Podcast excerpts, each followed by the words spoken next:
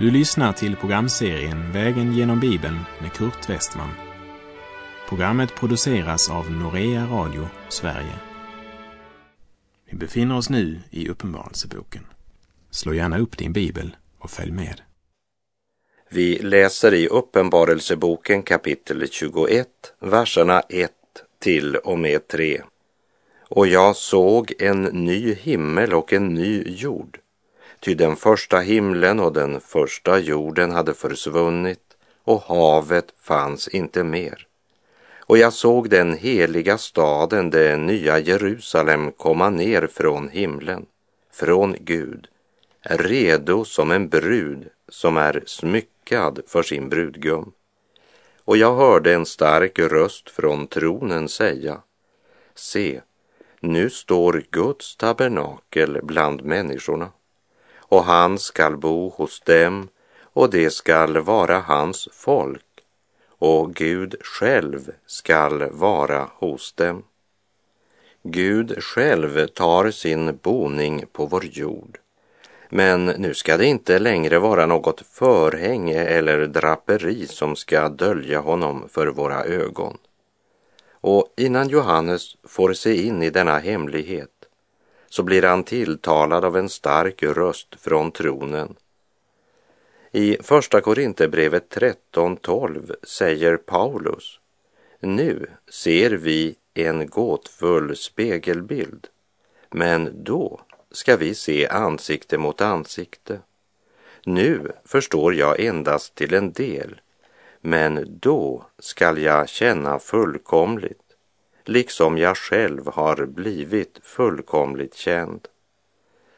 Och här i Uppenbarelsebokens 21 kapitel har dessa Paulus ord blivit uppfyllda när Gud själv bor mitt ibland oss och vi kan se honom ansikte till ansikte.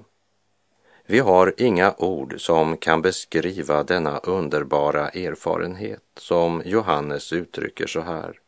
Se, nu står Guds tabernakel bland människorna och han ska bo hos dem och det ska vara hans folk och Gud själv skall vara hos dem.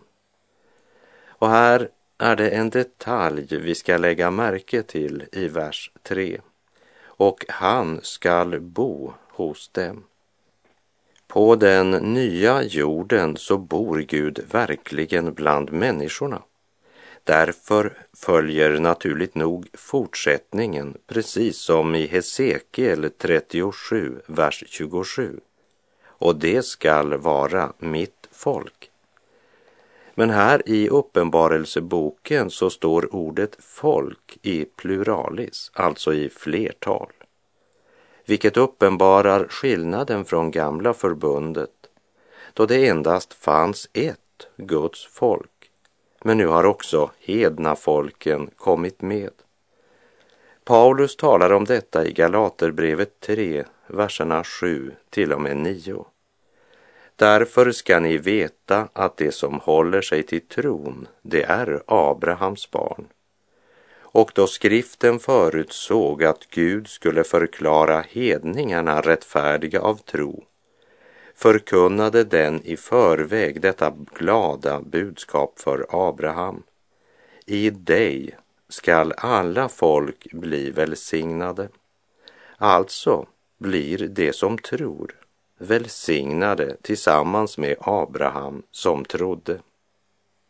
Det skall vara hans folk och folk står alltså här i flertal för att uppenbara att Guds utvalda kommer från alla stammar, folk och språk. Därför säger Johannes i Johannesevangeliets första kapitel, vers 12.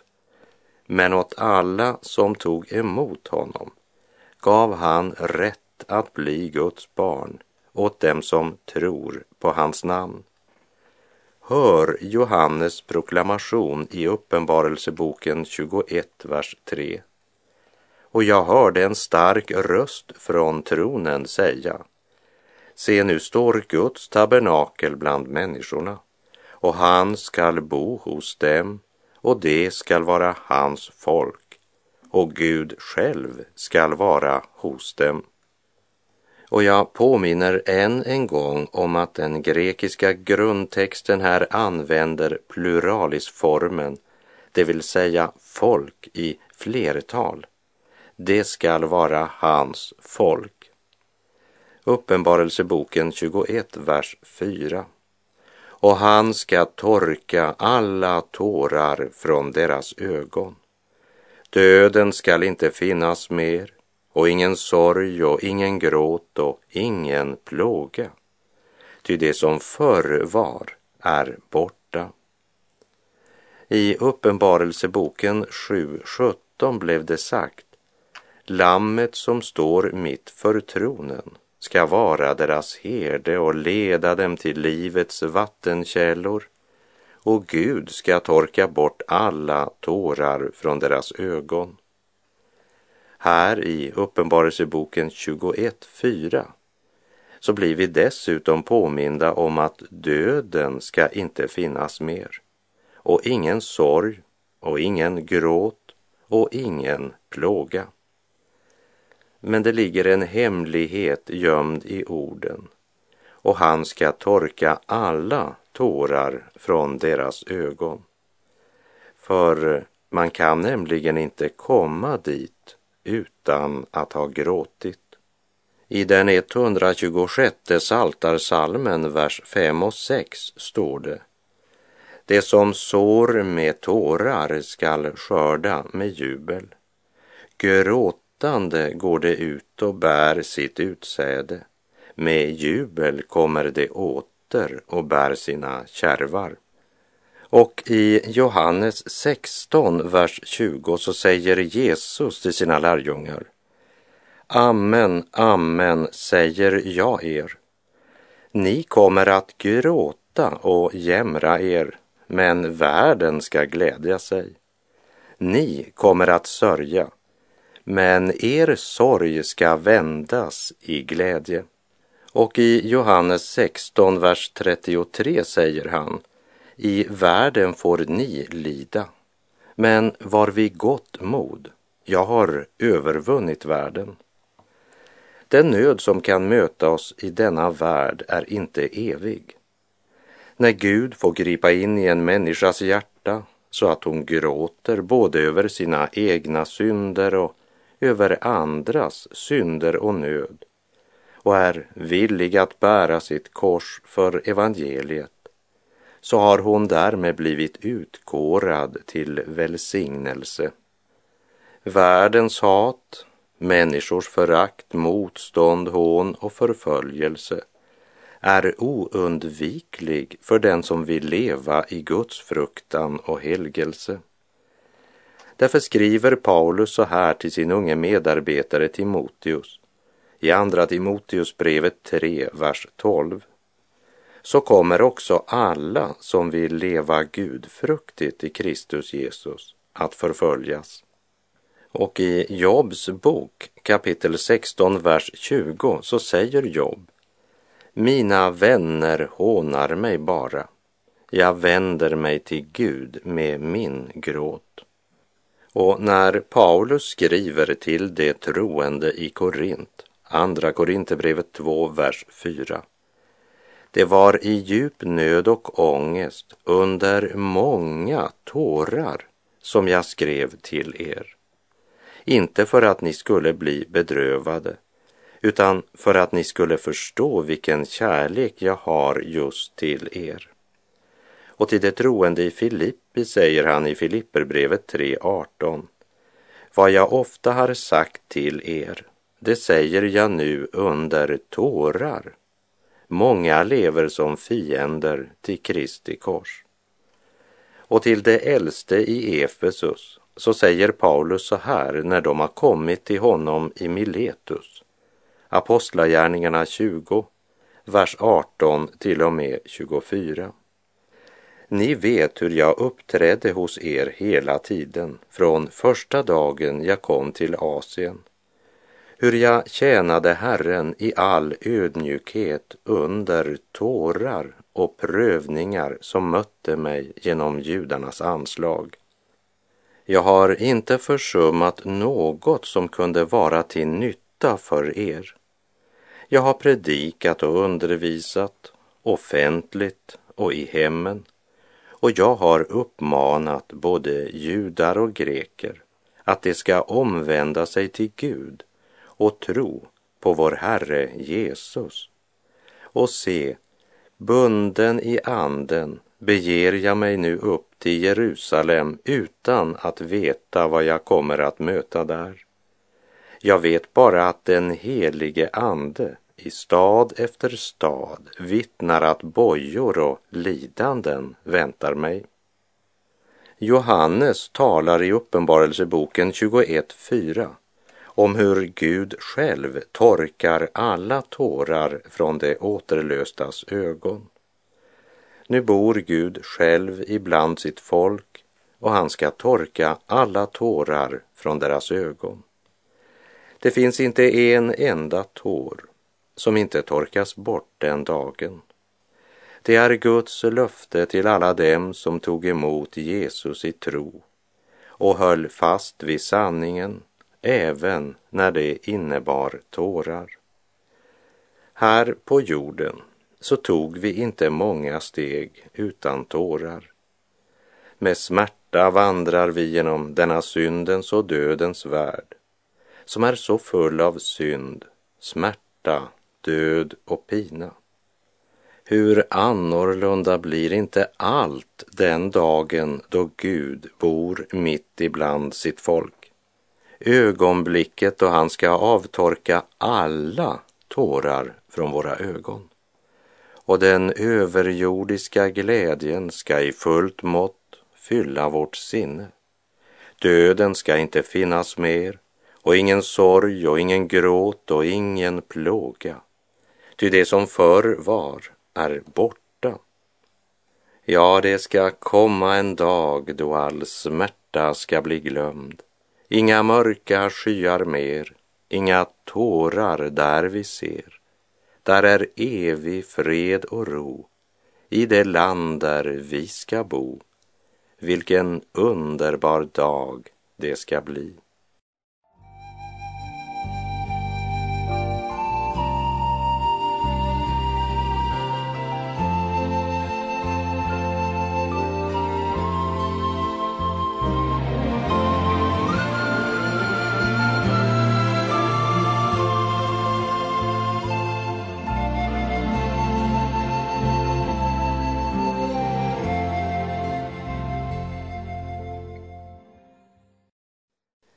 Johannes har fått se helt fram till den dagen då Herren själv ska bo hos dem och det ska vara hans folk och Gud själv ska vara hos dem.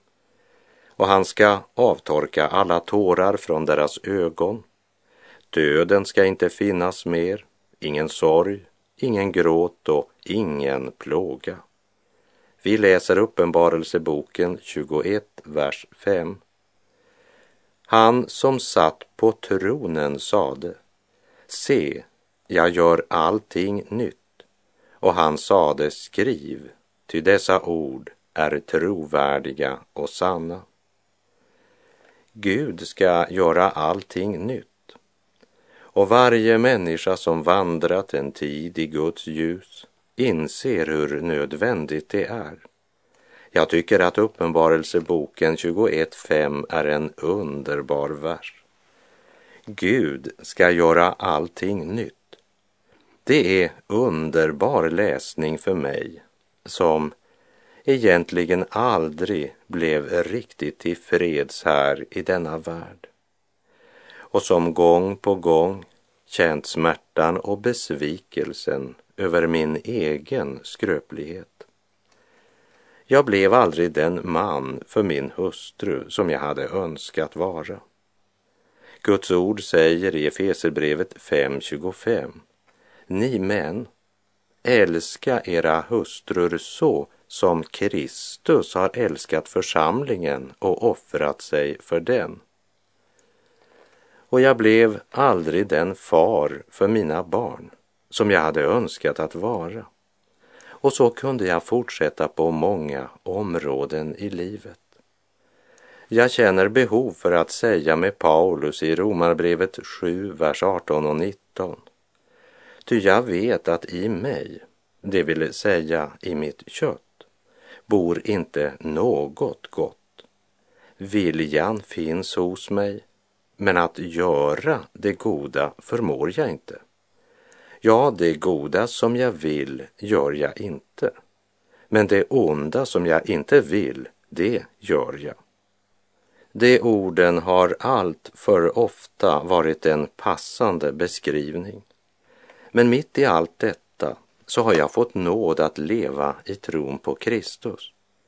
Ty så älskade Gud världen att han utgav sin enfödde son för att de som tror på honom inte inte ska gå förlorade utan ha evigt liv. Men eh, Gud har inte gett mig nåd och förlåtelse för att jag skulle synda på nåden, men istället kämpa trons goda kamp. Inte för att bli frälst, men därför att jag i Kristus är frälst. Ty allt som hör till liv och Guds fruktan har hans gudomliga makt skänkt oss genom kunskapen om honom som har kallat oss genom sin härlighet och ära. Genom dem har han gett oss sina dyrbara och mycket stora löften för att vi i kraft av dem ska få del av gudomlig natur sedan vi kommit undan det fördärv som på grund av begäret finns i världen, skriver Petrus i sitt andra brev kapitel 1, vers 3 och 4. Och i Romarbrevet 12, vers 2 och 3 säger Paulus och anpassa er inte efter den här världen, utan låt er förvandlas genom sinnets förnyelse så att ni kan pröva vad som är Guds vilja, det som är gott och fullkomligt och som behagar honom. Ty kraft av den nåd som jag har fått säger jag till var och en bland er, ha inte högre tankar om er själva än ni bör ha, utan tänk förståndigt efter det mått av tro som Gud har tilldelat var och en. Och hör vad han säger i Romarbrevet 5, verserna 1 till och med 5. Då vi alltså har förklarats rättfärdiga av tro har vi frid med Gud genom vår Herre Jesus Kristus. Genom honom har vi också tillträde till den nåd som vi nu står i och vi jublar i hoppet om Guds härlighet. Men inte bara det. Vi jublar också mitt i våra lidanden eftersom vi vet att lidandet ger tålamod. Tålamodet fasthet och fastheten hopp. Och det hoppet bedrar oss inte. Ty Guds kärlek är utgjuten i våra hjärtan genom den helige Ande som han har gett oss. Det hoppet bedrar oss inte. Det kan du lita på. Och jag tackar och prisar Herren Jesus Kristus, genom vilken jag har fått del i detta hopp. Jag gläder mig i Herren alltid, även när tårarna väter min kind. Och jag jublar i anden i visshet om att en dag ska Gud göra allting nytt. Och vem är det som säger det? Det säger han som sitter på tronen. Jag repeterar Uppenbarelseboken 21.5. Han som satt på tronen sade, se, jag gör allting nytt. Och han sade, skriv, ty dessa ord är trovärdiga och sanna. I Romarbrevet 3, vers 4 utbrister Paulus. Låt det stå fast att Gud är sann och varje människa en lögnare. Och han som själv är sanningen och som sitter på tronen ger följande löfte. Se, jag gör allting nytt. Och därefter tillägger han, skriv, ty dessa ord är trovärdiga och sanna. Gud uppmanar Johannes att lägga märke till vad Gud gör. Någon annan uppmaning får han inte. Gud säger inte Johannes, nu ska du göra så här och sedan så här. Nej, Gud säger se, det vill säga lägg märke till. Ge akt på vad jag gör. Se, jag gör allting nytt.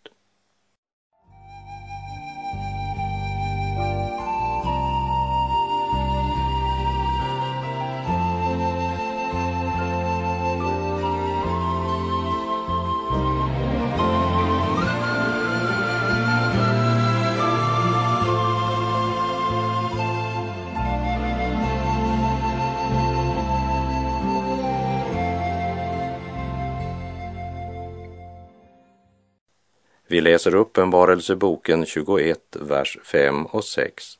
Han som satt på tronen sade, se, jag gör allting nytt. Och han sade, skriv, ty dessa ord är trovärdiga och sanna. Han sade också till mig, det har skett. Jag är A och O, begynnelsen och änden.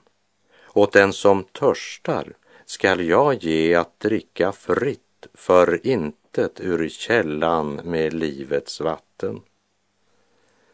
Det kommer alltså ett ögonblick i mänsklighetens historia då han som sitter på tronen säger det har skett.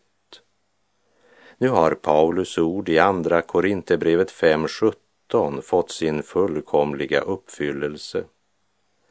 Alltså om någon är i Kristus är han en ny skapelse. Det gamla är förbi, se, det nya har kommit. Orden i Andra Korinterbrevet 5.17, det uppfylls delvis redan här i tiden, när på nytt födelsens under sker i en människas liv. Men den dagen då Gud inte bara skapar något nytt i våra hjärtan, utan gör allting nytt, då är Guds frälsningsplan slutförd. Löftet Gud gav redan första aftonen efter syndafallet och som vi återfinner i Första Mosebok 3.15 där Herren lovar att kvinnans avkomma en dag ska söndertrampa ormens huvud. Det har uppfyllts i den syn Johannes ser. Och han uppmanas att skriva ner detta så att vi har det skriftligt. Därefter säger Herren, det har skett. Gud lämnar inte frälsningsverket och sin plan med människan halvfärdigt.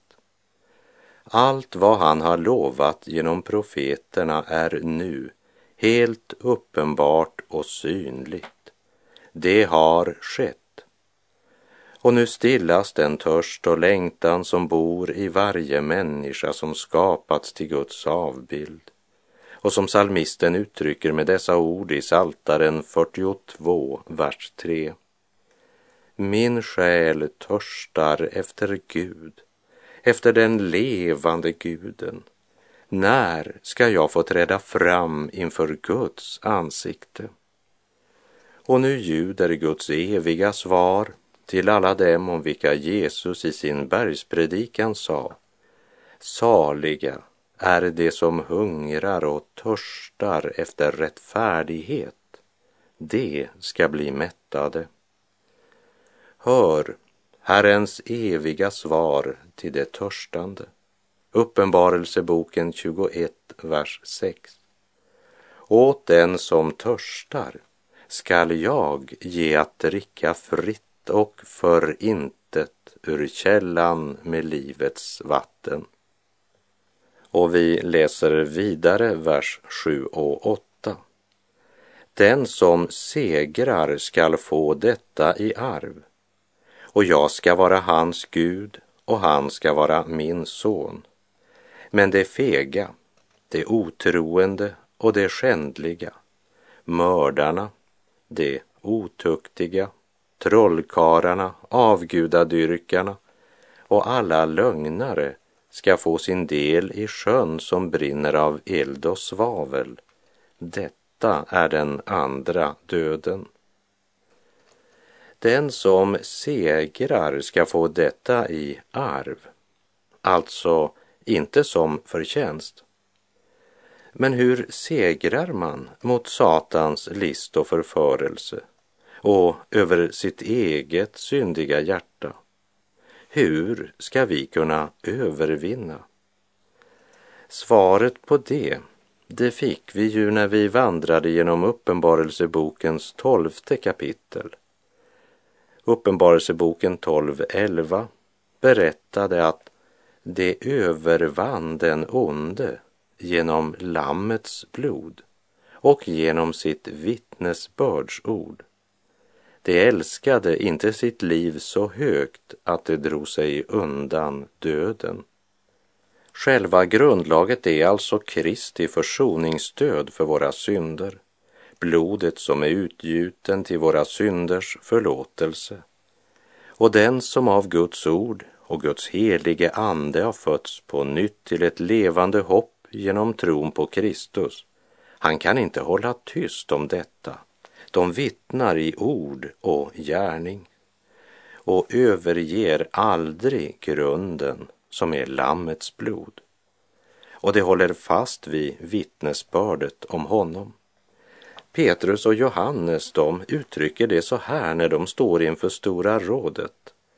Vi för vår del kan inte tiga om vad vi har sett och hört. Apostlagärningarna 4.20. Trons klara och frimodiga vittnesbörd kännetecknar Jesu efterföljare. Segern har blivit deras genom Lammets blod och det vittnar de om för alla människor. Ty med hjärtat tror man och blir rättfärdig. Med munnen bekänner man och blir frälst, skriver Paulus i Romarbrevet 10.10. 10. Bekännelsen av Kristus är viktig och vår bekännelse måste vara något mer än ord. Vi är kallade att leva i Guds fruktan och helgelse. Kallade att leva värdigt den kallelse vi fått som Paulus skriver i Efesebrevet 4.1. Och med det så är vår tid ute för den här gången. Han kommer till hjärtan som bida och vänta sin frälsare kär. Han ger dem en plats vid sin sida i riket som ovantill är. Det saliga samlas kring tronen när frälsaren kommer en gång. Då förvandlas den skälvande tonen i segerviss jublande sång. Sök Herren medan han låter sig finnas. Herren vare med dig. Må hans välsignelse vila över dig. Gud är god.